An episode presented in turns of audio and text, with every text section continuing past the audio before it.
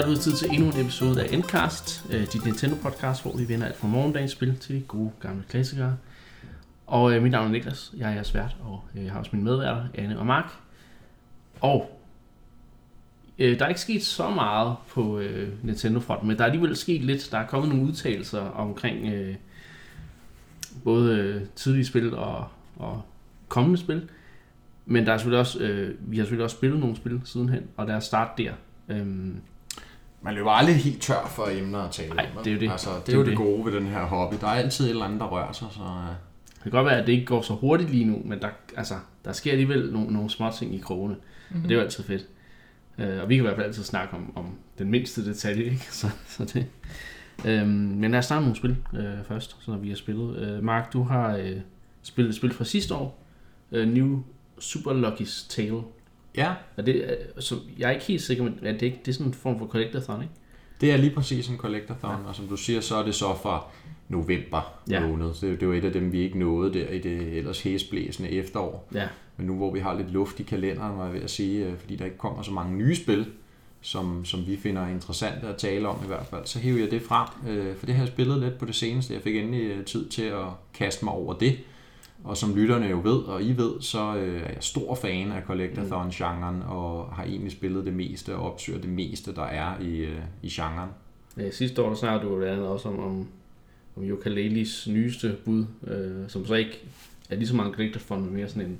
Ja, ja, det var jo et af sidste års helt Ja. store oplevelser, og et, et, et fremragende øh, ja, Som du 2,5 ikke- D-platformer. Alligevel ikke tog med i dit... Øh, Nej, og det er, jo nok, øh, det er jo nok set i bagklogskabens lys, så var det lidt en forglemmelse, vil jeg sige, fordi det var øh, en af de helt store Ja. ja. højdepunkter, og jeg har faktisk lige vendt tilbage til det for Ja. at gøre det færdigt øh, 100% selvfølgelig, som man skal gøre for Ja. at kunne sige øh, one and done.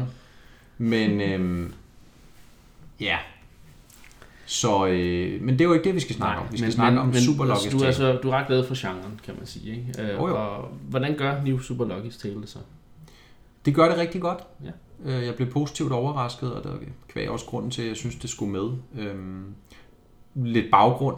Super Lucky's Tale, så altså uden new Ja. præfixet, eller hvad vi skal kalde det, udkom for tre år siden, tror jeg, i 17 på Microsofts maskine, og udviklet af et amerikansk firma, der hedder Playwright, tror jeg, det hedder. Mm. Nej, Playcorp hedder de vist. Okay.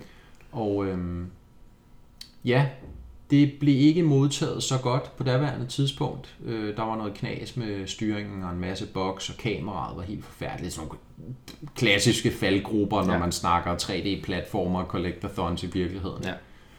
Øh, men de troede alligevel nok på produktet til, at de har arbejdet på en... Øh, ikke en remaster, men sådan en opdateret version, hvor de fixede mange af de her ting. Og den kom så på Switch øh, her i efteråret med det her new prefix. Jeg vide, hvor de har fået den idé fra, kan man tænke sig lidt til. Ja, det lyder bekendt. New Super Lucky's Tale. Øhm, hvor de så har fikset nogle af de her Mm. problemstillinger, og kameraet er blevet markant bedre, og der er skåret lidt content fra, og kommet lidt til og så videre. Og øh, det er bare, altså, det er fordi i virkeligheden ikke, der er så meget at sige, men det er bare en rigtig habil Mm. 3D collectathon i Banjo-Kazooie-stilen. Jeg har et spørgsmål. Øh, Øhm, du er sådan en rev. Det er nemlig det der med ja. spørgsmål. fordi Ja. Det er, man, I Collectorson, der skal du spille en ikonisk maskot af en eller Ja. anden art. Du, man er en rev, hvad kan man? Men han er en rev, og, det, og, han, og han ligner lidt den der hedengangne maskot, som så faktisk er vendt tilbage senere hen, der hedder Bobsy. Hvis I kan huske ham fra En kat. Bobsy. Ja, The Cat Bobsy the Cat. fra Ja, ja. 90'erne. Nå. Sådan lidt en, der, er- ja, der er en helt obskur historie med den. Jeg har, aldrig, jeg har lige spillet eller set noget med, med Bobsy, men øh, Nej, det var ikke et særlig vellykket forsøg på Ja, han minder lidt om Bobsy. Mario og Sonic. Og, ja. Ja. ja, han minder lidt om ham, hvis man kender dem, øh, kender ham derude.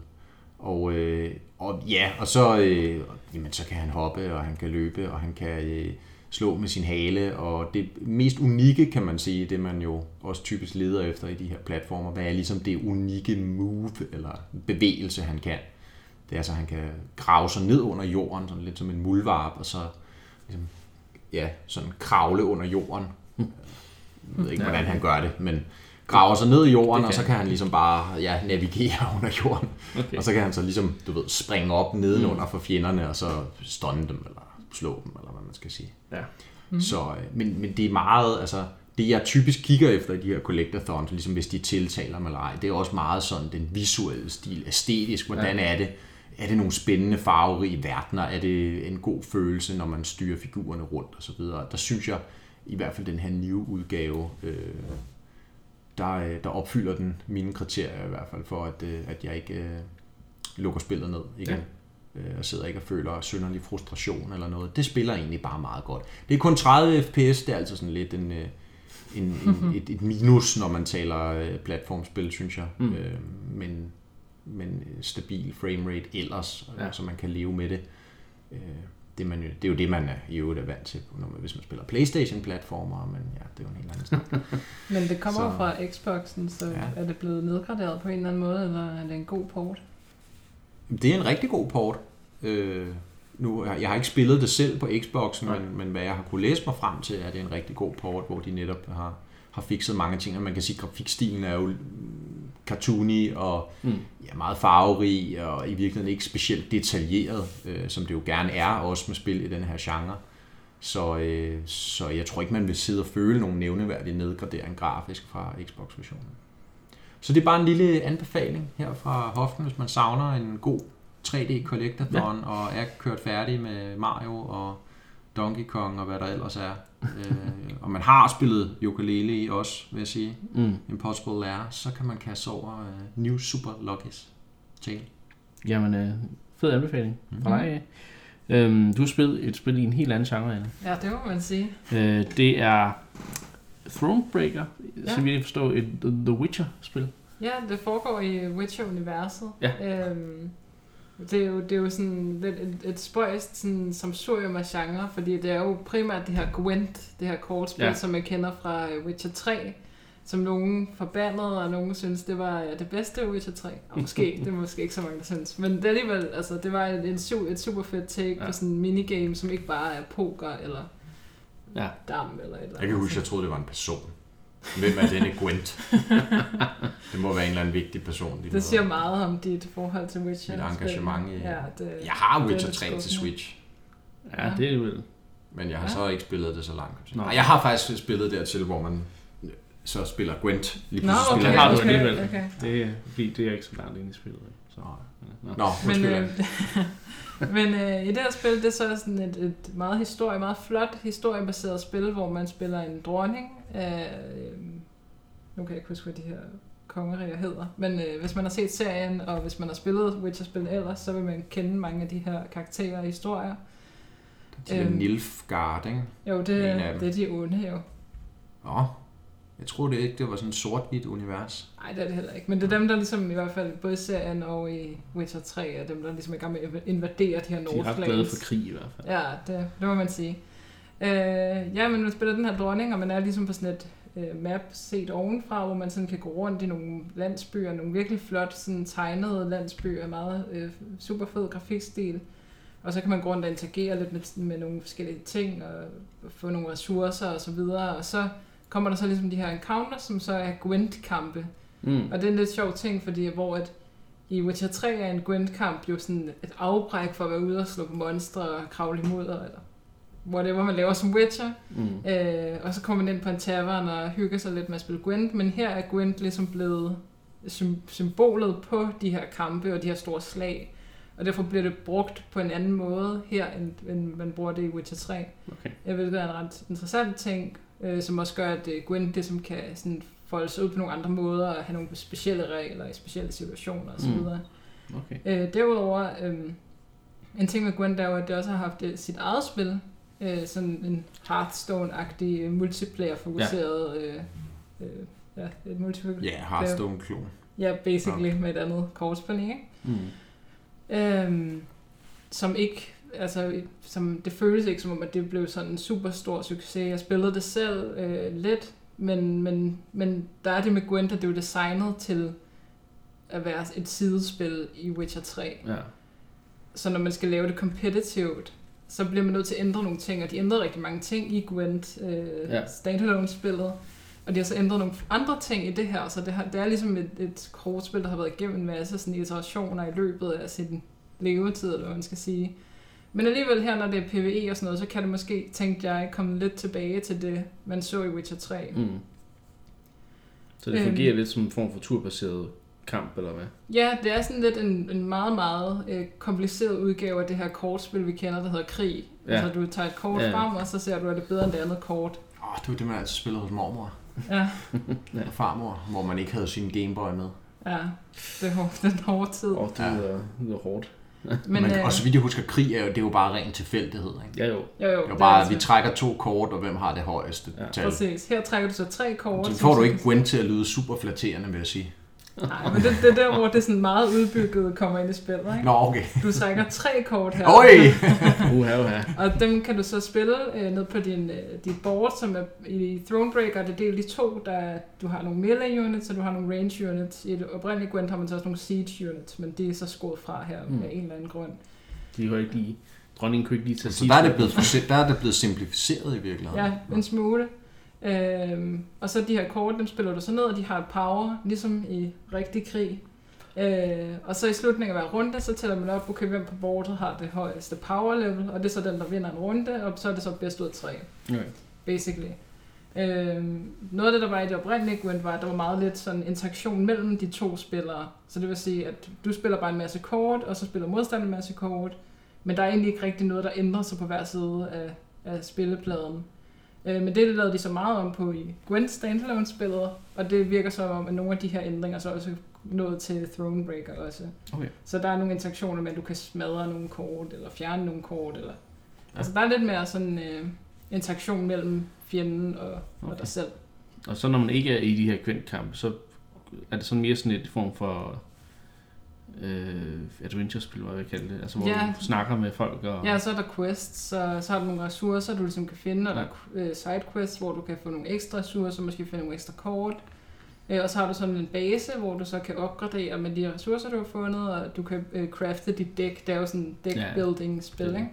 Øh, og der er mange forskellige... Øh, Det lyder som om, de også har været lidt inspireret af det spil, jeg fablede om i, i efteråret, der hedder Puzzle Quest. Mm, Som ja. jo også, kan man sige, det er jo så ikke et kortbaseret spil, Mm. det er jo så et match 3, altså Bejeweled-agtigt Mm. spil. Men ellers ligesom strukturen omkring er det her mere historiedrevne det rigtigt, eventyrspil ja. Ja. med Ja. man kan bygge base, og Mm. man kan fange mounts, og man kan crafte våben, og Ja. klare quests og side quests og så videre. ja, ja, Er det helt på den set, måde, eller? ja, der minder det om, på Mm. den måde faktisk. Men Det lyder som ikke så dårligt. Det lyder som ret fed sådan hybrid mellem Mm. flere genrer. Altså, Ja, øh, jeg har også set lidt fra... Altså spillets grafikstil ser ret fed ud. ja virkelig. Det er sådan 3D-renderede karakterer, som ligner de tegnet. Mm. Øh, og det, det er sådan virkelig nogle flotte landskaber. Cell shading, eller hvad i virkeligheden? Ja, på en eller anden måde. Mm. Og så øh, er det også bare fedt det her med, at det er sat i Witcher-universet. Det kan man jo aldrig få nok af. Det er jo super, super nice... Øh... Nu ved jeg ikke, der er måske nogen, der har det stramt med tv-serien. Ej, det er der ikke. Ja, ikke for mig. Ikke med mit vedkommende i hvert fald. Nå, okay. Men øh, Øh, Mark sidder der jo ansigter. Ja. Når, Men det var også, det var også øh, når, Frank, Anne, der når Anne siger, at øh, man ikke kan få nok af The Witcher. Der er han måske ikke helt enig. Men, øh, Nej. Men det er da også lige meget. ja, ja, det er jo det. Altså, du troede Gwent var en person, så jeg kan ikke rigtig tage din holdning for gode varer. Det er fair nok, jeg er diskvalificeret. Men Ja. som jeg sagde før, jeg har Witcher 3. Mm. Ja. Jeg har spillet lidt af det. Ja. Men så er der så to Witcher-spil på Switch lige pludselig. Det, Det er da interessant. Ja. Øh, selvom at de måske ikke minder så meget om hinanden. Og det dukkede Mm. også lidt op ud af det blå, Ja. læste jeg. Øh, Gwent, eller Mm. mm. Røvl, øh, Thronebreaker, Ja, må vi hellere præcis. kalde det det rigtige. Ja. Og det er egentlig på trods af, at øh, CD Projekt Red derefter de havde annonceret Witcher 3 til Switch, blev spurgt selvfølgelig til, om kommer Thronebreaker så også, og så sagde de, at det var der ikke nogen planer om. Mm. Og så gik der et års tid, og så bum, så var det der lige pludselig. Ja. Og det passer Så-. Det er jo god timing, når Netflix-serien også lige er udkommet. Ja, Netflix-serien er lige kommet, ikke? og den er også, hvis vi lige skal tage den snak, har jo revitaliseret, og ret interessant mm. sidebemærkning i virkeligheden, revitaliseret salget af Witcher 3 Ja, især jo. Og der var jo Øh. flere spillere inde i Witcher 3 på Steam godt nok, så ikke, end der var ved Ja. launch øh, Ja. efter serien. Jamen antageligvis er det jo sikkert også noget, der kan måles i Switch-salget. Ja, helt sikkert. øh, til de. Switch-ejere er derude, fedt, der måske øh, er faldet over De Netflix-serien. har lavet en eller anden form for synergi mellem Witcher 3 på Switch, Witcher-serien og så Ja, ja. ja. Thronebreaker til, plat- til andre platformer også. Ikke? Mm. Øh, Så ja, det, det, det, det fungerer nok meget godt for dem, den Ja. strategi, tror jeg. Ja. Og så er der også bare et spil, som altså, det, det virker godt til sådan en håndholdt maskine. Ikke? Man kunne sagtens forestille sig at tage det med ud på farten og så videre. Mens man hører noget-. Toss a Coin to your Witcher Ja, præcis. På repeat. Ja, 10 hour remix. Spiller glorificeret krig i bussen på vej til arbejde. Ja, det lyder som øh, et ganske øh, interessant spil, øh, hvis man er til et kortspil. Og, og Var det mere Witcher. 150 kroner på Ja. e-shoppen? Det er også en stærk pris. steal. En stærk pris. Det eneste, jeg har hørt, er, at det skulle være øh, let. Okay. Så øh, det bliver anbefalet, at man spiller på den sværeste sværhedsgrad. Det er også det, jeg umiddelbart selv har gjort. Og Jeg tror ikke, jeg skal, hvis jeg spiller det nogensinde, så bliver det på den nemmeste. Jeg er ikke så god til de der kortspil. Men det er jo bare krig, Niklas. Du skal bare trække ja. et Ja. tal. Tre kort på Ja, en gang. ja, det, det Tag er det to kort for meget. Nå, men øhm, inden vi går videre, så vil jeg bare lige huske folk på derude, at vi jo lytter til Endcast, dit Nintendo podcast, hvor vi vender alt fra morgendagens spil til de gode gamle klassikere, og du kan altså høre os på Endclub, på Spotify og på iTunes. Så øh, der er ikke rigtig nogen undskyldning for ikke at høre Nej. Endcast. Men man kan sige, hvis man hører dig sige det, så betyder det jo, at man allerede lytter. Så det er jo Men fantastisk. så kan man sige det til sine venner, Det er rigtigt. Så, øh, eller hvis man nu sidder og lytter til det på en platform og tænker, ej, jeg kunne egentlig godt tænke mig at lytte til det på en anden. Nå, vi skal videre. Øh, der Mhm. er sket ting og sager i, øh, øh, ja i hvert fald i, ikke, ikke fra Nintendo, men i Nintendo regi. Og øh, der var på Wii U var der et øh, spil, der hed Wonderful 101 fra Platinum Games. Waterfall 101, som de vist nok siger i nogle trailer og sådan noget. Meget fedt. Øhm, og det er meget japansk, øh, sådan lidt Power Rangers-agtigt øh, spil, i mine øjne i hvert fald. Og det har vi ikke set til Switch endnu, men Platinum Games har simpelthen taget, øh, hvad hedder det, taget skæb, deres egen skæbne i deres egne hænder, eller hvad fanden man siger. Øhm, fordi de har simpelthen lavet en Wonderful 101 Kickstarter for at få spillet på Switch og øh, PS4 og X, nej, PC. PC, ja. Der er ikke nogen Xbox-version endnu det- i hvert Endnu i fald. hvert fald. Øhm, og den Kickstarter er simpelthen allerede øh, blevet... De har allerede tjent det hele hjem. Ja, der gik en dag, ikke? Ja, og så allerede på første dagen, så... Øh, 6 så så, millioner eller sådan noget. Ja. Dollars. ja. Det er ret, ret vildt. Øhm, så Wonderful 101 kan vi jo sådan set konstatere, det er på vej til Switch. Ja. Øh, men ikke fra Nintendo. Altså Nintendo har ikke selv været inde over at sige, nu Mm. skal I porte det. Eller, Nej, hvad, det- hvad vi ved af i hvert fald. Nej, det- nej, men det har de jo ikke. Det er en Nej. lidt interessant historie, ikke? Fordi man kan sige, Wonderful 101, det udkom tilbage i 13 på Wii U, Ja. og var en kommersiel fiasko. Mm. Øhm, vi kan diskutere, at spillet var på mange måder fremragende, synes jeg. Måske en af Platinums sådan mindst tilgængelige spil i Ja. den forstand, at det tager noget tid at komme ind under huden på det, og styringen er lidt kompliceret, Mm. og der er rigtig meget dybde i gameplayet, som ikke bliver forklaret særlig godt og sådan noget. Mm. Lad nu det ligge. Kommercielt i hvert fald, spillet var en fiasko. Og, øh, og så har der jo senere hen, har vi set også der efter Switchens lancering, alle de her Wii U konverteringer til Ja. ja. Switch. Og vi har jo selv snakket også her i programmet, kunne man se en Wonderful 101 konvertering til Switch. Og det har vi ikke. Og det er jo antageligvis fordi, at Nintendo har siddet og tænkt, der er ikke penge i det der. Nej, nej. Mm. Vi går ikke ind og finansierer en port til Switch. Nej. Men Platinum har jo alligevel skulle spørge Nintendo om lov, som, om, om lov, som jeg forstår det. Så de Mm. må have en eller anden andel i produktet. Øh, Ja. muligvis har de finansieret noget af udviklingen af det oprindelige spil. Ikke? Mm. Så øh, ham, der hedder Hideki Kamiya, som er en af Platinum-stifterne, og ham, der ligesom har Mm. instrueret mange af de her store spil, han er ude at sige på Twitter, at, øh, at ligesom Nintendo har givet lov til, at de kunne lave den her Kickstarter og bede om at få penge til at lave spillet. Mm. Ikke kun til Switch, men også til andre platforme. Ja. Mm. Og det har de så fået lov til. Og, øh, og så er det jo interessant, at allerede på første dagen, Ja, ja. der bryder den Mm. det beløb, de spørger efter. ja. Det er ret Så hvad er der sket sidenhen, at spillet var en kommersiel fiasko til Wii U? Var det på grund af platformen? Var der bare for få Wii U-spillere, der synes det her spil var interessant? Mm. Og nu med udsigt til, at man kan spille det ligesom i en bredere skare, så er der så nok fans eller interessenter til, at de kan finansiere. Det er der jo noget, der kunne tyde på. Ja. Jeg synes simpelthen, det er så smart et strategisk træk af dem at gøre.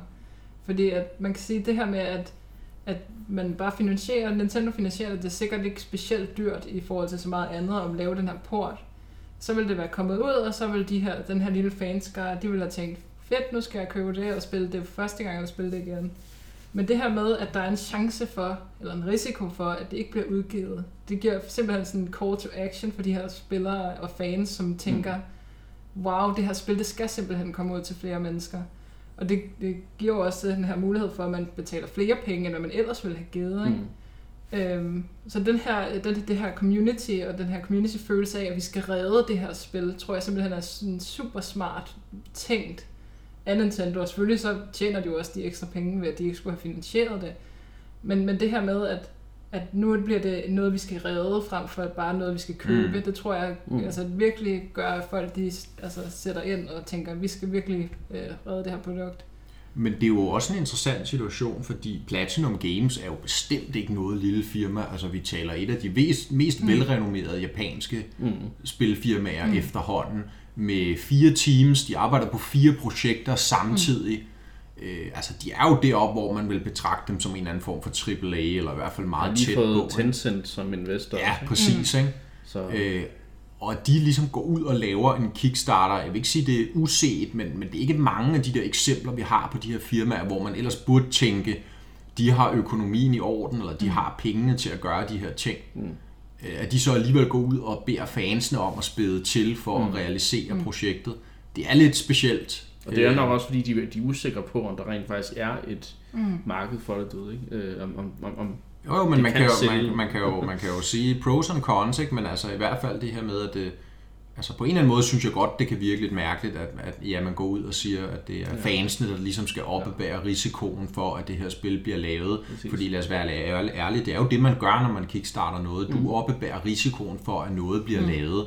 For det er jo ikke sikkert, det bliver lavet. Det har man jo set i, i masser af tilfælde, mm, desværre, mm, at, at ting ikke er blevet lavet. Jeg tror ikke, der er nogen risiko for det her, med igen et velrenommeret firma som Platinum, der mm. har styr på tingene og ved, hvordan man udgiver spil og så videre. Mm. Men Vi har alligevel... jo set de her store uh, creators, der er gået fra deres med det, det firma, de som er blevet populære i, og så laver de en Kickstarter, og så mm. lover de kul og grønne ja, ja. og så bliver det ikke helt lige sådan så det er, alt, øh, der, det er ofte, at det ikke bliver helt det, som man havde forventet. Ja. Mighty Number 9, øh, det spil, jeg sådan husker mest. Ja. Mm. Øhm. Men nu kommer det, og øh, ja. som jeg sagde, øh, altså i mine øjne et fremragende spil. Ja. Et af deres sådan oversete perler, Platinum, men, mm. men bestemt en af deres bedste. Og som sagt, det er lidt svært tilgængeligt originalen, mm. og det tror jeg også er en af grundene til måske, at det ikke fik den helt store succes. Øh, og der har øh, igen øh, Hideki Kamiya været ude at sige, at de kommer til at tweak nogle af de her ting. De ved godt, det har været et problem for spillet. At det simpelthen er for svært at komme ind i og ja. begynde at lave de her fede kombinationer og låse op for de her gameplay-systemer, der mm. gør, at kampsystemet, det er jo igen det er jo et kampspil, som Platinum altid laver. Mm. Øh, forskellen her er, at du styrer den her unit på 101 ja. øh, helte. Du løber ligesom rundt i sådan en stor klump nærmest, ja. øh, og kæmper øh, på samme tid. Det, det er et ret unikt spil, må man sige. Mm. Øh, men, men de kommer til at ændre de her ting, der, der skulle højne usabilityen, eller hvad man skal mm. sige, sådan indfasningen af ja. spilleren, og det tror jeg er rigtig klogt. Så mindede, det mindede mig meget dengang om, om uh, en, en spilserie fra Gamecube, der hedder Beautiful Joe. Det var sådan samme uh, tegnestil, eller sådan, ja. ja den der sådan lidt chibi-agtige, ja. jeg siger Power Rangers, det er simpelthen fordi, jeg kan, finde, jeg kan ikke huske det japanske ord, det er et eller andet Tai Senkai. Jeg kan ikke huske det. Mm. Der, der, er, der er japansk ord for de mm. her uh, Power Rangers-agtige uh, ja. shows og ting og så. Og det er lidt den der stil, ja. de prøver at simulere i. Mm. Ja, og, og det er jo også Kamiya, ja. Beautiful mm. Joe, så Præcis. det er jo klart, at der er det link. Ja. Øhm. Og apropos Kamiya, så hvis man uh, spæder nok til, så får man jo den ære at blive blogt af ham på Twitter. Oh. Som uh, en, uh, en high-paying tier reward. Ja, det er alligevel ja. sygt nok, at den ligger så højt. Og det er jo fordi, til dem, der ikke lige ved det, at han har det her renommé for at være sådan meget, hvad kan man sige, aggressiv på Twitter, eller hvad man skal sige. Han finder sig ikke særlig meget, og nogle gange kommer han med nogle ret kontante udmeldinger, så, ja. så der er mange, der oplever at blive blokeret af ham, fordi han ikke gider finde sig i sikkert også alt det lort, han skal høre på. Så. Ja. Mm det er ret sjovt faktisk, de har lavet det til en tier. Men der skulle også komme noget nyt content til spillet, ja. og, en, og en forhistorie, ja. som lyder faktisk lidt Beautiful Joe-agtig. Ja. Øhm, så det er ret ja. interessant. Så spændende. Det kommer vi helt sikkert til at snakke mere om. Det er klart. Altså, det kan være, at jeg, jeg har det godt til Wii U, men jeg har godt nok ikke spillet det ret meget. Øh, Det var ikke lige min kop te, men det kan være med, Ja. med, med nye tiltag og så videre, det, at jeg kan komme ind i det igen til Mm. Switch. Nu må vi se, om det er et spil, jeg ender med at købe, hvis det selvfølgelig kommer Du med var jo rimelig begejstret for Astral Chain, ikke? Det var jeg, Ja. det var jeg. Så det er en, det er en god, øh, god indgangsvinkel at have. Ja, mm. helt klart. Nu skal vi snakke om et spil, der kommer øh, om ja, lidt over en måned, halvanden måneds tid, på optagende, i optagende stund. Ja. Øh, det er selvfølgelig Animal Crossing, vi skal snakke lidt om, men det, vi har jo ikke rigtig spillet endnu, vi ved ikke rigtig så meget om det, der er ikke kommet nogen Animal Crossing Directs eller noget, men der er så kommet nogle øh, informationer ud omkring, øh, hvordan spillet kommer til at håndtere øh, save games, og hvor mange øer du kan have per konsol. Uh, Lad os dykke lidt ned i det, øh, fordi Animal Crossing, så vidt jeg forstår, jeg har jo ikke rigtig spillet dem før, Mm. handler meget om det her, øh, den her unikke by, du selv skaber, som ligesom er tied til, til din øh, profil, eller hvad jeg skal sige. Mm. Øhm, men saves virker til at være rimelig restriktive, øh, Anne. Hvad, hvad synes du om øh, det, der er kommet ud omkring saves? Kan du forklare lidt om det? Fordi jeg, Altså- jeg, jeg kan sådan nogenlunde få mit hoved omkring det, men jeg, jeg er ikke så god til at sætte det i kontekst til, hvordan Mm, Animal mm, Crossing mm. fungerer. Altså, der er jo to ting i det, ikke? så vidt jeg har forstået. Der er det her med, at du må kun have én ø. Det er jo det nye. I gamle dage havde man en by eller et lille ja. aflukket område af et kort. Øh, man kommer kun til at have én ø per konsol. Ja. Og det er jo en rimelig stor restriction, kan man sige. Hvis du er flere øh, brugere på en konsol, så øh, er I tvunget til at spille sammen. Mm. Øh, så man kan ikke ligesom få lov til at være den, der starter øen, hvis man, har, altså, hvis man er nummer to, der spiller det. Ja. Øh, og det er jo øh, altså, en restriktion, man kan sige, hvorfor skal spillerne ikke selv have lov til det. Men det er jo også noget, der så forcer folk til at skulle spille sammen. Mm. Og det er noget af det virkelig, virkelig unikke ved Animal Crossing, det er det her med, når man, når man deles om en konsol med sine med søskende eller forældre eller whatever, så får man det her community, man kender de samme dyr, man kender altså kortet, hvordan er det, det er jo sådan noget randomly generated, plejer det at være, ikke? Øh, Mm. så, så det er sådan noget med, hvor er broerne henne, og det er jo sådan nogle små ting, der bliver meget vigtige i Animal Crossing, Ja, jeg sige. Men helt enig, det højner jo decideret gameplayet, også fordi de her dyr, som du siger, Anne, mm. de begynder jo så, for eksempel hvis de taler til mig, mm. og de har haft en eller anden interaktion med dig, mm. så begynder de så at tale til mig om, om så den anden dag, så mødte jeg uh, og hun uh, gav mig det her uh, armbåndsur, og nu er det bare min kæreste genstand, jeg har overhovedet, og, men du ikke have det alligevel i øvrigt, fordi at, altså, ja. Det er jo alle de der absurde interaktioner, som er så karismatiske på det spil. Præcis, præcis. Øh, og, og, og som du siger, Anne, i virkeligheden er det jo lidt misforstået, den kritik, fordi jeg tror, du har ret, de har gjort det for at bringe samspillet, multiplayer-elementet mm. endnu mere sammen i virkeligheden. Ja. Hvilket tjener spillets design. Ja.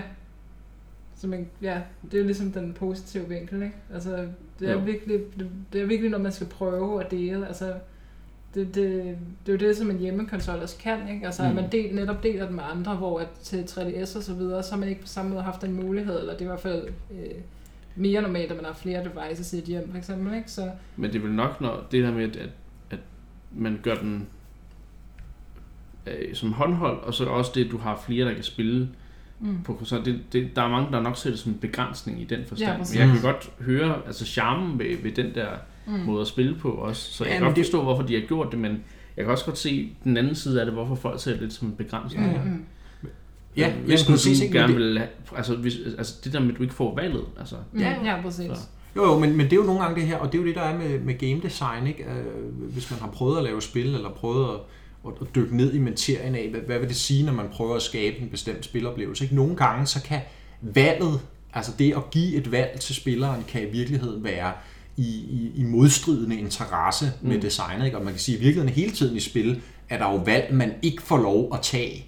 Ja. Mm. Men det er klart igen, når vi kigger på at sige, jamen for eksempel, lad os sammenligne med Minecraft, og så sige, i Minecraft, jamen der kan du bare starte en ny world hele tiden. Du kan få Ja. den til at generere en ny world med nyt layout, og ny, øh, altså, hvor floden er anderledes, og terrænet er anderledes, alt er anderledes. Ikke? Mm. Øh, og det kan jeg da godt forstå, at man også gerne vil have det ønske i Animal Crossing, at sige, "Nå, hvis ikke I lige kan lide det layout, så kan jeg bare lige generere en ny, og så spille det i stedet.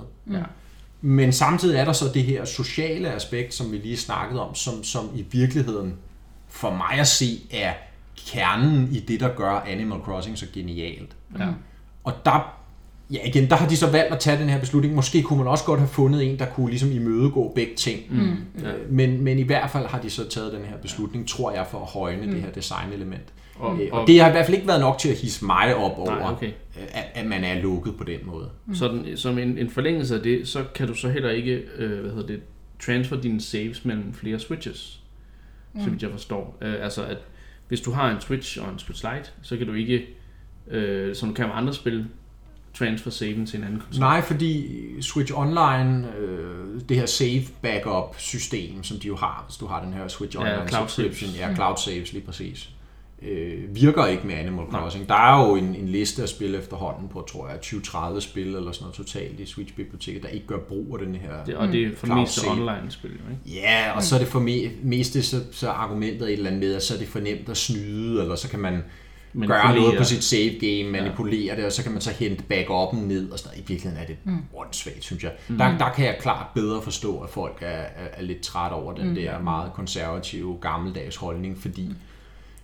altså det, der, der, må ikke, der kan ikke være noget meget mere nederen, jeg- vi kan ikke tænke os mange værre ja. ting, end at miste sit Animal Crossing save. Lad os, lad Og dem, der vil snyde, de skal nok uh, jailbreak deres Switch mm, og uh, gøre diverse ting, ikke? Uh, køre homebrew. Ja. Men, men, Ja, og i sidste ende snyder man bare sig selv, var jeg ved Ja, at sige. ja, Ikke? ja. Fordi på den måde er Animal Crossing jo ikke et kompetitivt spil, Nej.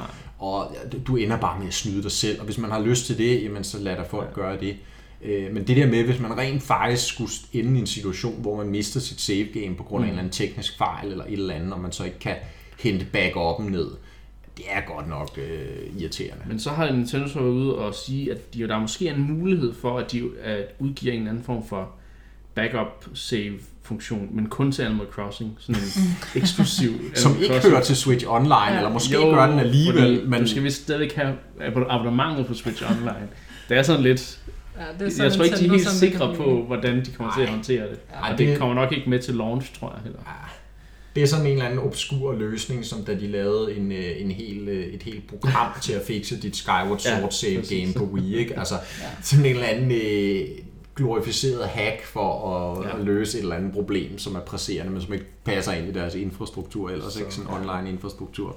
Måske Det havde det egentlig bare været bedre, hvis Cloud States havde været en Ja, og igen, hvorfor ikke? ikke? Og de siger, at det er noget med, så kan man manipulere med de der tiden, og Ja. ja. tiden er essentiel i Animal Crossing. Man må ikke lige pludselig kunne gå fra vinter til forår, og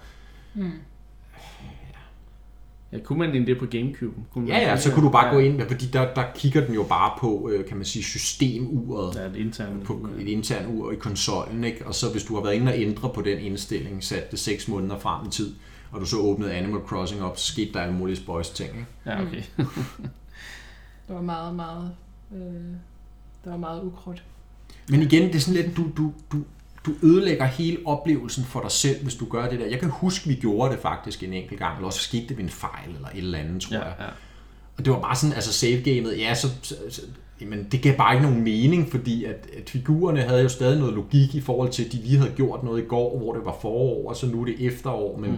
der er brune og blade, ned- nedfaldende blade over det hele. Altså, det var som om, at, at spillet nærmest var bugget af Ja, det, ja, ikke? på en eller anden måde. Så det er sådan lidt, du gør bare dig selv en, en bjørntjeneste ved ja. ja. At, at, snyde på den måde der, så Ja. ja. Ja. Det, der forstår jeg godt, at folk er, er, er sure Ja. ja. over det der. Det, det synes jeg også selv er noget underligt noget, og det er Nintendo fra deres dårlige side.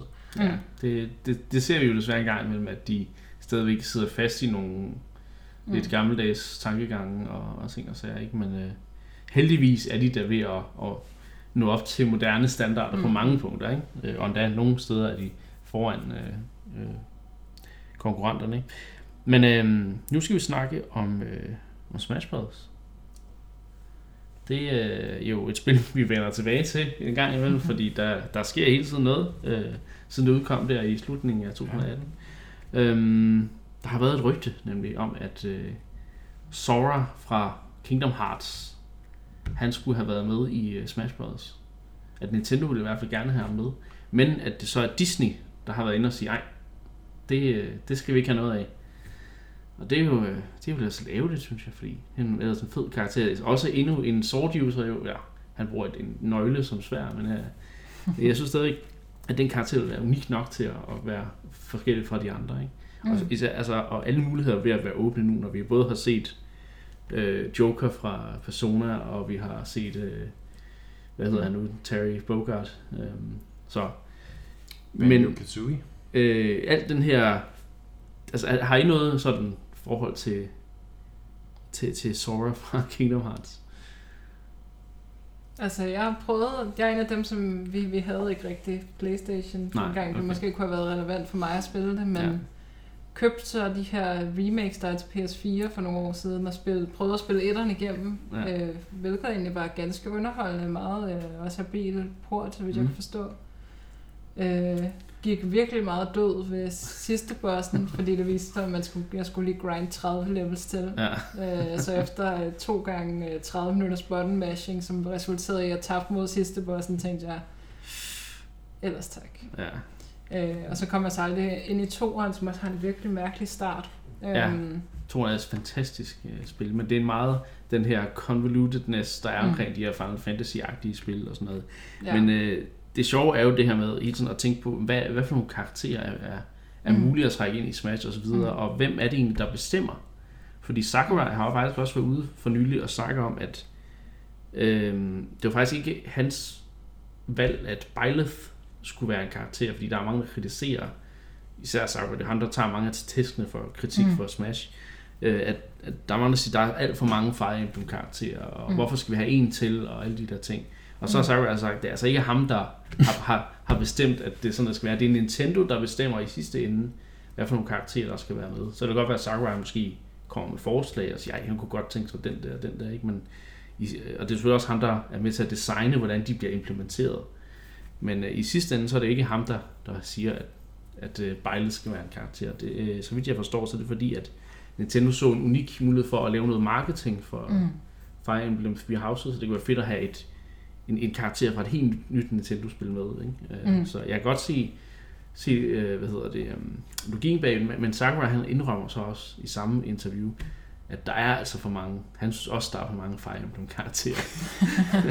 Han er, han er, Vi lidt, er øh, oppe på en del efterhånden, ikke? så jeg forstår ham godt. Mm. Han er, han, er, han er lidt en pleasing guy, synes jeg, i den forstand. Ikke? Fordi Jo, jo. At, øh, jo, han, han skal helt sikkert høre på rigtig meget lort, det er der ingen tvivl om. Ikke? Nu kan man sige, at han har også selv sat sig front and center i forhold til, til Smash, og også han laver de her, øh, skal vi kalde dem, øh, Sakurai Directs, hvor han selv sidder og vi snakkede jo om den på stand-up comedy manér nærmest øh, Ja, ja. gennemgår de seneste opdateringer til Smash. Ikke? Så han har jo sat sig selv ud forrest på, på scenen, og, øh, og så må mm. han tage de tester og følge med. Men ja, det er sådan lidt, altså sådan, den ene måned hører vi lidt den ene situation, og så er det, uha, så er det Terry Bogard, og han vokser jo op med de her fighting games, mm. og det har sådan lidt været en drøm for ham at få de her, den her Ja. karakter. Så forstår man ligesom, det er ham, der Ja, ja, tager beslutningen, ikke? Og så nu her, hvor det måske lidt er de unpopular choice, så siger han så, øh, slap af venner, det er altså ikke mig, det er, også, det er jo Nintendo, der skal... Ja, ja. Og selvfølgelig er det dem, der i sidste ende skal, skal blåstemple, men jeg tror, han har ret stor øh, Ja.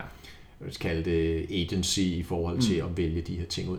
Det jeg gerne vil pointere, som jeg synes er interessant ved det her rygte, hvis vi går tilbage til det, du startede med at sige, Niklas, Ja.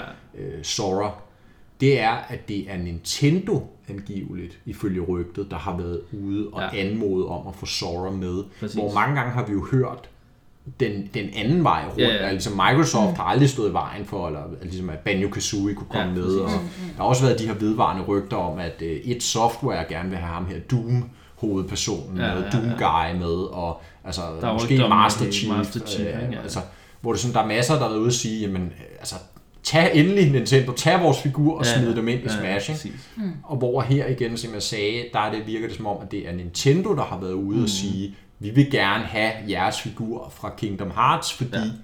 vi tror på, at, øh, at den kan gøre noget godt for serien. Mm. Mm. Og, og hvor det så er ja, Disney, der har været ude og smække i og sige, Disney Japan, tror jeg endda, hvis ikke engang Disney-koncernen Ah, okay. på USA, men specifikt den japanske ja. afdeling, for some reason, der har været ude og sige, nej, ellers det, tak. Fordi det, er- det er også, altså Disney virker også som en meget kontrollerende koncern med deres IP'er. Det er de? Så, det er de, og så på en måde så er jeg ikke så overrasket, men jeg synes også, det, det er ærgerligt på en eller anden måde. Ikke? Det kunne Mm. være, Ja, fordi der er jo alle de store øh, JRPG-karakterer efterhånden med, ikke? Med Jo, jo, Joker Cloud og så og. Joker. Cloud, ja.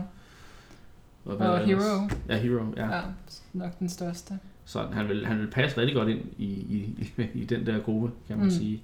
ja, Øhm, Selvom han vil være en sword user og... Øh, Men Sora kan mange andre ting. Han har også med Ja. magi og, og uha, ting og sager. Så øh, magi ligesom og stridthår og... Ja, jeg, er ikke, jeg har ikke den store tilknytning Nej. til Kingdom Hearts, øh, som I nok ved. Så øh, Det, er det, men øh, det, det vil ikke være en figur, der kunne hisse mig op. ej, jeg vil være fuldstændig hyped ud over Ja. det hele. Jeg, ej, ikke lige så hyped som da Cloud man bliver annonceret Mm. i Wii U-versionen. Der var jeg fuldstændig ud af den. Altså, Ja. det var, Mm. var, så var jeg så skuffet i, øh, i Ultimate, da øh, der ikke rigtig var nogen Final Fantasy spirits, og øh, der Ja. ikke rigtig var nogen områder baseret på det og sådan noget. Der, Som- der bliver jeg skuffet. ja, det er som om, at Square Enix har sådan trukket sig lidt ud af det, ikke? Jo, der er ligesom smækket i på en eller anden måde. Og så alligevel Mm. åbnet op igen med Hero. Men igen, der Det er tror jeg mystisk, måske det også, der. Nintendo har været inde og sige, hey, kunne det ikke være fedt, hvis nu, når vi nu udgiver Hero, Hero Quest, hvad jeg vil kalde det, uh, Dragon Quest på, på Switch, at vi også lige hiver ham ind i Smash, ikke? Så, Der kan være forskellige Ja, ja. ledelser, eller Ja, ja. at Ja, på forskellige præcis. Vi- vi tidspunkter, kan der træffer gisne om, der er forskellige sket her, beslutninger, ikke? og det virker sådan lidt mærkeligt. ja, men, Men, uh, øh, ja. men det, det er sjovt med de her karakterer, og hvem der ligesom ender med at, at Ja. komme med. Ja. Men nu må vi se, så vidt jeg kunne forstå, er det ikke nødvendigvis endegyldigt, men, men i hvert fald indtil videre har de været afvisende over for, at Sora han skulle, skulle komme. Ja, fordi det, det kan jo være, at, at nu kommer der jo seks nye karakterer. Det kan jo være, at han får en chance til. Who knows? Ja. Ja. Øhm, men, men det sjove er jo, at nu, nu, nu har jeg jo lidt sværere ved, fordi jeg jokede lidt med efter, at Vejles blev annonceret, der sådan, har jeg joket lidt i mit hoved i hvert fald omkring, at det kunne være fedt at Altså, altså, nu, nu tror jeg kun, der kommer Fire Emblem karakterer herfra. Det, det er bare seks nye Fire Emblem karakterer. Hvem vil I allerhelst se i Smash Bros., hvis I kunne vælge fra alle hylder? Øh, Paper Mario. som ikke er en Fire Emblem karakter. Nej. Anne, hun var hurtigt over. Ja, Paper Mario. 64-versionen antager jeg. Ej, det, det må godt være den nye. Den Og den nye, som i Color Splash til Wii U, eller Ja, ja. Sticker Så Star. længe, at der er throwbacks til det, så... jeg tror, jeg tager en klassiker. Så længe han, Fra ja, Dragon Ball. så længe han har hammeren, og han kan hive Gombario ind som assist trophy. Præcis. Og, Som bare, ja. hvad med Ja. dig, Niklas? Ja, jeg, jeg jokede lidt med at sige Son Goku der, men, men øh, jeg, jeg, jeg skal nok have noget mere Zelda af en eller anden art. Måske en, en, en, en ordentlig playable udgave, af, ikke en ordentlig, men en playable udgave af Zelda, der ikke er baseret på, på Magic Use. Eller sådan noget. Det ved jeg ikke. Jeg, jeg, jeg, jeg er ikke så Jamen, hvilke Zelda-spil er hun ikke Magic user i? i, øh, hvad hedder det nu? Jo, i, i Hyrule Warriors. Ah, Der var okay. okay. der var den der kåre der. Men det er jo uh, Twilight Princess selv, ikke? Så du vil gerne have en svært. Jo, det har han også. Ja. Så du vil gerne have en sword-wielding Zelda? Ja, jeg skal have flere sword Det, det characters. er flere sword characters, ja. Og Sora. Og... Ja, ej. Jeg, øh, Eller en Majora's Jeg, jeg kan faktisk ikke rigtig komme på noget, jeg, jeg gerne vil have, men øh, jeg synes faktisk, de har de kommer ret godt rundt om. Jo, jeg synes, de, øh, er det Genos, Geno, Geno, Geno, ja. Geno fra Super Mario RPG, han kunne være sjov. Mest Ja. fordi jeg synes, han kunne have, ja, det lyder som, om han kunne have et fedt moveset. Jeg har aldrig rigtig spillet spillet, men øh, det Han var er en fed Magic karakter. Ja. Det, det er okay. Ja, Men han kan måske summon lidt svært eller sådan noget. Ja. Nej, det ved jeg ikke. Altså, det kunne være fedt at have en rigtig Majora's Mask Link, der kunne øh, transforme i de her tre ja, forms. eller en Didi med, nej, fire stiger. Jeg synes, det kunne være rigtig sjovt, og det vil også være noget af en designudfordring for dem at implementere, tror jeg. Men jeg kunne rigtig godt tænke mig at se Professor Layton i Smash. Uha, ja. Det kunne være sjovt. Uh, Også fordi, hvordan kæmper han? Han kæmper jo ikke sådan rigtigt, men alligevel gør han lidt i nogle af spillene. Og sådan. Mm. Han kan lidt, men... han men fik det. ja, det er sådan mere noget med, du ved, at vil det mere være noget med, øh, at han sådan med ord, eller sådan, Ja. ja. han sådan argumenterer, og så stonner han folk, når han siger et eller andet, eller altså, ja, Ja. hvordan kunne man gøre det, ikke? Det er ligesom lidt Ace, sjovt. øh, Det kunne også være Ace, Wright. Ace Ja, Attorney, Attorney. ja, kunne man også forestille sig. Phoenix Wright, der Ja, det siger sjovt. objection, og så Ja. skader han bare Ja. sygt meget. Ja. Så er det bare, ja, det er Final Smash. Men Man sidder i courtroomet, og så Ja. dommeren, den ruler, der er Ja, skyldig. Og så når han er, er i- under pres, så gør han mere skade, fordi så, kan han, så sidder han og tænker over en eller anden form for objection eller et Ja. eller andet. Ikke? Ja, det Se der. Det, Jeg tror, det er- jeg synes, du skal sende en mail til Sakurai Ja. eller en Nej, Twitter. nej, for han har jo bestemt det. Det er rigtigt. Det er Nej, men det er. Nintendo, der har Ja, bestemt det. Nintendo har bestemt det Ja. så det er too late.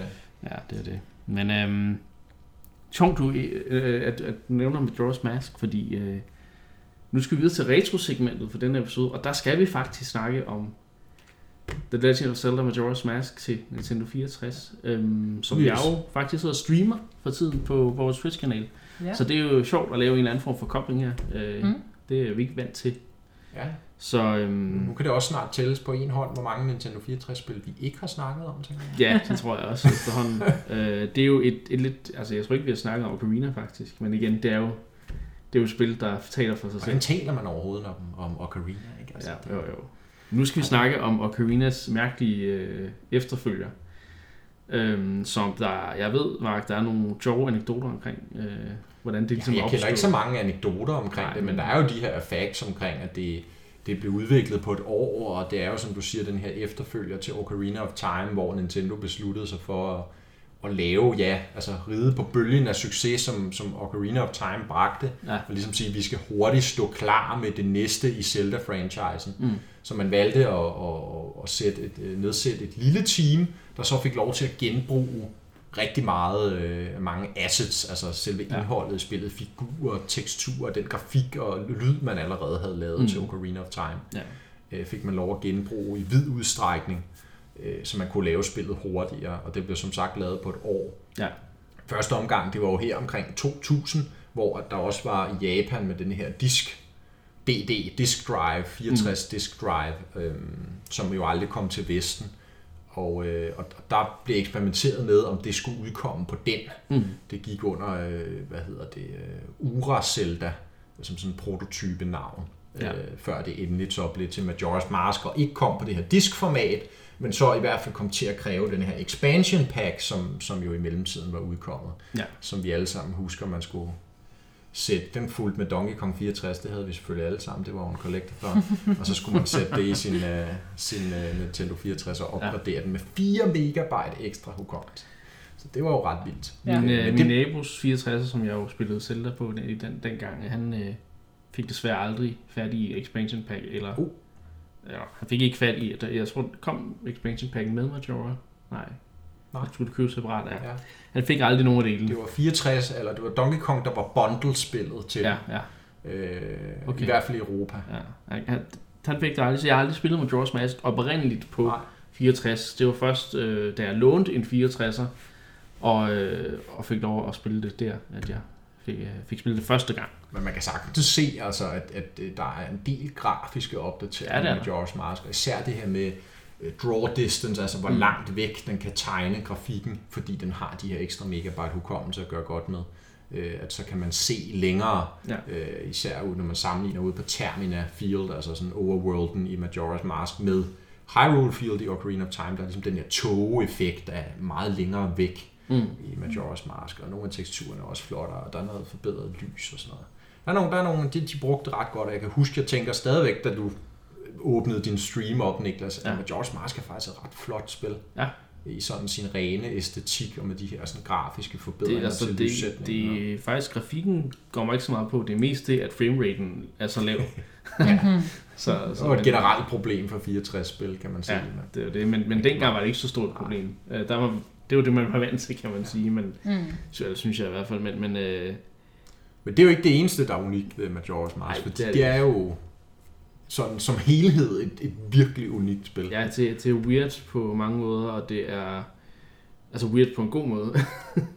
øh, og, og det er sådan, ja, det er meget eksperimenterende Ja. øh, i sit format, øh, fordi det, det har jo det her 3 system, Mm. hvor øh, altså du, du, som link øh, kommer du til Termina, og så får du øh, at vide ham med Mask, øh, The Mask Seller, eller hvad han hedder, øh, Mask Salesman, at øh, jamen, du skal, om man ikke kan skaffe den der maske, fra, fra som Skull Kid har, øh, har taget fra ham, øh, og han skal altså smutte om tre dages tid, som ikke han kan komme tilbage inden da, og så finder man så ud af i de tre dage, hvor man ligesom går på jagt efter at få, komme op i det øh, klokketårn, hvor, øh, som er i midten af den her clock, clock town, som er centrum for, for hele Majora's Mask. Øhm, der finder man så ud af, okay, der er nogle andre ting på spil her i de her, altså der er en grund til, at det er de her tre dage, fordi der er en måne, der er ved at falde ned og smadre det hele, og Skullkid laver en masse problemer for, for indbyggerne i, i Clock Town og, og så videre, ikke? Så Det er jo det, egentlig, det, det er en jo ret egentlig- sjov måde, de introducerer historien på, ikke? Ja. Mm. Ja, det er jo egentlig ham, ikke, som, som øh, er forbandet af den her maske, Ja. og ligesom feeder på hans ensomhed. Der Ja. i virkeligheden, men det kan vi vende tilbage til, et utroligt mørkt spil med Majora's Mask. Mm. Ja, men feeder på hans ligesom, ensomhed og overtager ham og får ham til ligesom at hidkalde Ja. en eller anden ond mørk magi, og så få månen til at simpelthen styrte ned og ødelægge hele verden, fordi Ja. Hvilken grund er der til at eksistere i den her verden, hvis ikke man har nogen venner? Ikke? Altså, det er jo sådan i virkeligheden det meget alvorlige budskab, der ligger i spillet. Ikke? Og så selvfølgelig dommedag og det hele, der bliver, Ja, bliver lovet. Det er fuld ordning. Øhm, Så. men, men ja, tre-dages-systemet, som jo helt sikkert, kan man sige, det afskrækker nogen, Ja, ja, lad os det være ærlige, og så tiltaler det andre. Ikke? Man skal være villig til at gå ind i den her præmis om, at du hele tiden, der er ligesom hele tiden tid Ja. ja. på dig. Ja, ja. Du har ikke uendelig tid til at gøre tingene, før du i hvert fald bliver nødt til at nulstille Ja. ja. spilverdenen. Og det er sjovt, fordi i Ocarina of Time, der var tiden jo også en, hvad kan man sige, et, et emne, der var op Ocarina of Time. Men, øh, hvad hedder det, fordi det her med, at jamen, så gik der de der syv år, der er nogle ting, der var ændret sig, noget for det bedre, noget for det værre, og så videre, ikke? Mm. Men her, der tager de tid i en helt anden, øh, altså der, der tager de det der med, hvert minut tæller. Det har meget mere direkte indflydelse ja. på game designet. Og, Ikke? og det, det flyder igennem det hele med de der tre dage, altså fordi øh, hver dag der har øh, alle indbyggerne i termerne deres helt egen sådan deres helt eget schema. at sige. Det, det er jo sjovt, fordi at hvis man tænker på, på sådan en time travel, så vil vi jo også hvad kan man sige, forvente at gøre de samme ting øh, hvert, altså, hvis vi tog de samme tre dage i vores verden, og så bliver ved med at spole øh, frem og tilbage i dem, så, så vil vi jo også gøre de samme ting. Men det er så sjovt, det de så går ind i her, det er jo det her med at sige, jamen hvis du så ændrer på noget mm. øh, i deres, hvad kan man sige, daglige rytme, altså du gør noget godt for dem, eller sådan noget stil, jamen så vil de jo også ændre deres adfærd i, hvad kan man sige, det der sker bagefter. Det synes det går de rigtig meget ind i, i Majora's Mask. Og de mere, synes jeg, mere kompl- komplicerede ting i spillet, fordi man ligesom skal, man har den der Bombers notebook, hvor du skal holde styr på folks øh, skemaer og mm. ting og sager. Det synes jeg er ret sjovt. Det bliver jo nærmest, altså, det bliver jo nærmest sådan et, et form for voyeuristisk spil. Altså det her med, at man skal snige sig efter og ligesom, ja. øh, hvad hedder det, udspekulere og øh, altså, ja, observere, ja, følge efter, stalke ikke, af andre NPC'er ja. og deres gøren og laden for at finde ud af, hvad er det, de har gang i, og hvad er det for nogle ting, de gerne vil opnå, mm. inden øh, jorden går under. Ikke? Altså, ja, så er vi tilbage igen med det her. Det er jo et spil, altså utrolig mørkt spil, der handler om jordens undergang. Altså det bliver ikke nærmest mere mørkt end det. Øh, og alle de her indbyggere har meget forskellige måder at reagere på. De starter sådan hvordan... meget normalt ud, sådan, at det, det er sikkert bare en almindelig dag, men jo tættere du kommer på den her ja, ja. måne, der falder ned, jo mere paniske og desperate. Fuldstændig, og til sidst, de sidste par timer der, og den er meget tæt på, og hænger lige over Clocktown, og der er jo sådan, nogen er gået i ren panik, og andre er sådan helt religiøst opstemte over, at nu kommer øh, frelseren og ja. gør en ende på det hele, ikke? og så er der de her, det, det har et af de smukkeste sidequests i computerspil overhovedet, Majora's Mask, med det her par, der gerne vil nå at blive ja. gift, inden, øh, inden jorden går under. De vil gerne nå mm. at erklære deres kærlighed til hinanden, øh, sådan over for mm. Ja, de her ånder, eller hvad, hvad der nu er, det man tror mm. på i den her verden. Ikke? Mm. Og det man som Link skal gå ind og ligesom facilitere, at de kommer til det. Øh, og det er kun igen et par timer inden, at, ja, ja. At, at, at, at jorden går under, og månen styrter ned, at du kan nå, hvis du klarer questen, mm. den her sekvens, hvor de så endelig står over for hinanden og ligesom erklærer ja. deres kærlighed. Det bliver jo ikke smukkere end det. Altså, ja, det. det er i et, et Nintendo-spil for år 2000. Ikke? Jeg kan huske, det er derfor altid, det er altid den lille sidebemærkning, klinger meget hul, når man støder på det her dogme om, at for eksempel Nintendo-spil er sådan noget kun for børn, og ja. altså alle mm. de her ting.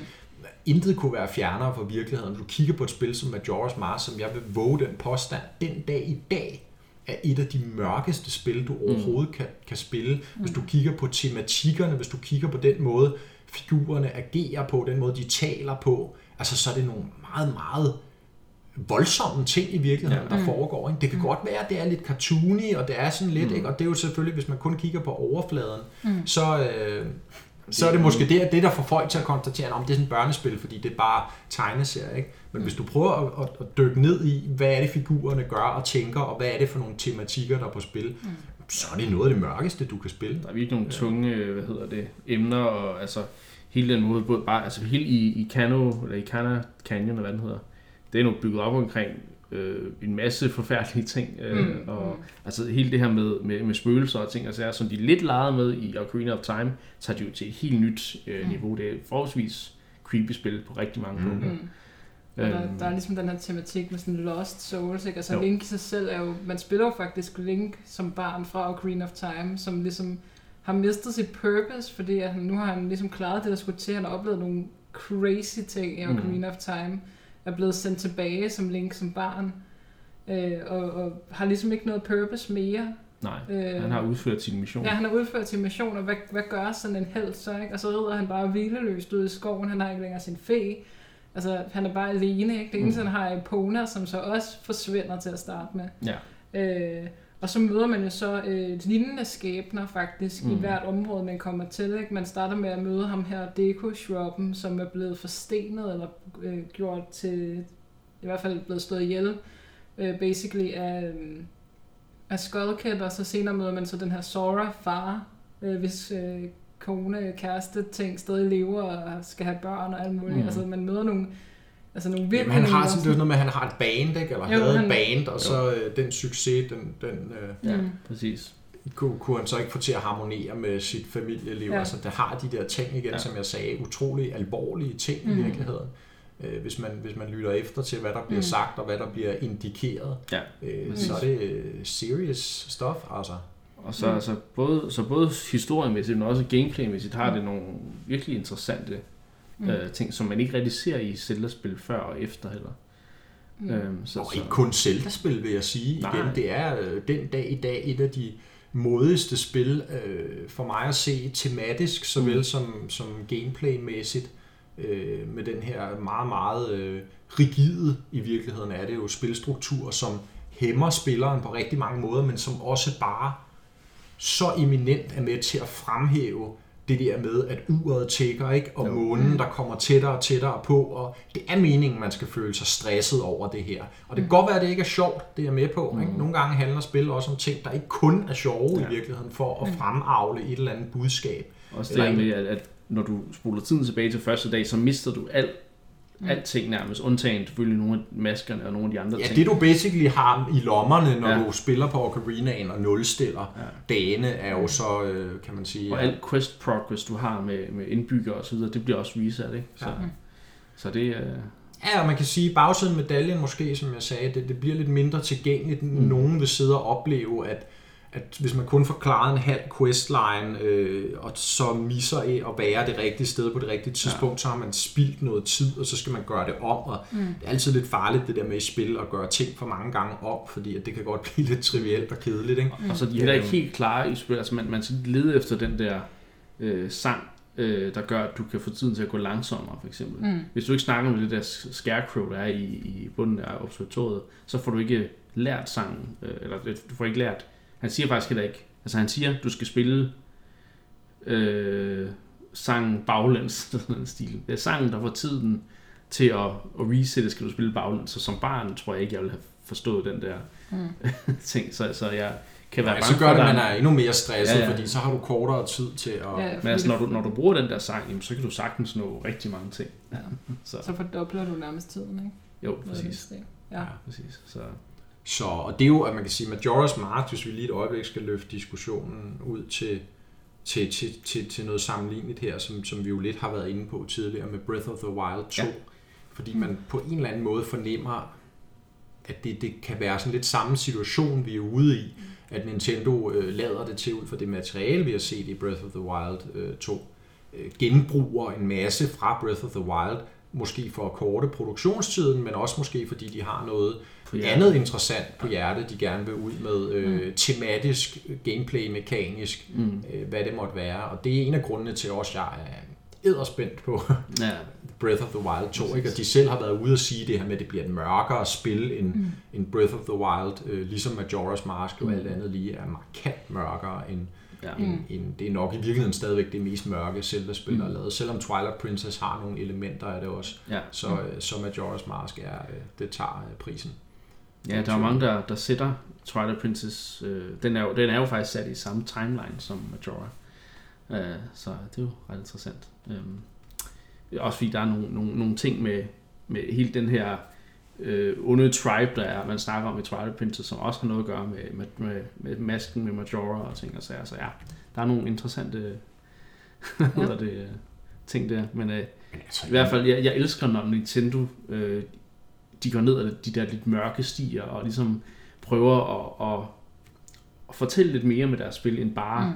de der overfladiske cartoony som mange for, ser. Ja, ja, men for mig er det sgu, at, at det er ikke noget med at vælge det ene eller det andet, eller det ene er bedre end det andet. Jeg synes bare, det er fantastisk, ja. at de har den nuance Ja, ja, i det, de smider ud. Altså, de både laver de her lighthearted, øh, optimistiske øh, Mm. spil, øh, som, som jeg elsker at spille, fordi det er bare der, hvor jeg slapper allerbedst af. Det er, når Ja. jeg kan rende rundt som Mario og, og bare kigge på farverige ting og, og Helt klart. se øh, samle guldmønter og så videre, ikke? Og så har de de her enormt underfundige, mere mørke, Mm. alvorlige øh, ting, som de, øh, som de kommer Ja. ud med i spil som, som Majora's Mask. Ikke?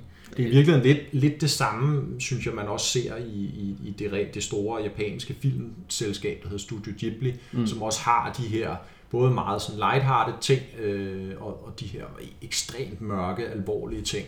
Ja. Øh, og de formår ligesom at fagne begge ting ja, utrolig helt godt. klart. Mm. Det er det. Øh, men det er også det, det er den kontrast, der ligesom skaber, at, at melankolien og det glade på en eller anden måde rammer øh, måske mere, fordi de ligesom kan vægte begge øh, aspekter. Ikke? Øh, og det, det, det synes jeg fungerer rigtig godt i især i Majora's Mask, hvor der også er happy endings, når man altså, Bestemt. får, får lavet questene på den rigtige måde og ting og sager, ikke? Så Mm. kan du på en eller anden måde bringe noget, noget, noget godt til, og det, det, meningen er jo også, at man skal redde verden i sidste ende, og ja. få det hele til at blive godt igen. Måske ja. Endda Mm. få Skull Kid til at få det lidt bedre, who knows. Ja, og det er jo så der, hvor hvis vi lige kort, uden Ja. ja. at spoil, fordi har man ikke spillet Majora's Mask derude, så, så få det gjort. Men slutningen i sig selv er jo også bare altså Mm. mindbending. Der sker nogle ting, som er, som er sådan helt øh, abstrakte og altså i overført betydning måske også har en, en alvorlig konsekvens for Link, øh, afhængig af om man, man spiller det til 100% completion. Ikke? Mm. Der sker nogle, nogle ret vilde ting der til sidst, øh, som, som flipper historien på en igen meget mørk måde. I Ja. virkeligheden. Øh, så, så ja, hvad har jeg? Ja. Det er det, som du sagde. Og hvis man har spillet Majora's Mask, og man savner at, at se det blive spillet igen, eller hvis man vil se det blive spillet for første gang, og man ikke har tid til det selv, så Mm. kan man gå ind på øh, Indklops Twitch-kanal øh, hver tirsdag og torsdag lige for tiden, og se mig spille igennem Majora's Mask. Jeg er ikke nået så langt på nuværende tidspunkt, så der er masser af content endnu, og jeg regner altså med at gå efter alle, alle masker, så vi kan få øh, Gode den slut. gode slutning, eller hvad man skal kalde det. Den slutning, der er der har haft alle masker i hvert fald. Men der ligger også VODs tilgængeligt, Det gør. så, man kan se det fra start Man kan se det fra det kan jeg anbefale. Så Vi er stadig ikke forbi uh, Deco Palace. næsten. Men, øh, ja. så, øh, så der var lige lidt, øh, lidt promotion der. Men øh, så har vi altså ikke mere på programmet i dag i Endcast. Så øh, der er ikke andet at sige end, øh, du har lyttet til Endcast, dit Nintendo podcast, hvor vi vender alt fra morgendagens spil til de gode gamle klassikere. Og øh, så glæder jeg mig til at se jer til i næste episode, så vi skal snakke noget endnu mere Nintendo. Det kan være, der snart kommer noget Nintendo Direct, man kan jo altid håbe. øh, men øh, indtil det, vi ses og, og lyttes ved igen, så øh, må I have det rigtig godt derude. Så, tak fordi I lyttede med, og vi lyttes ved næste gang.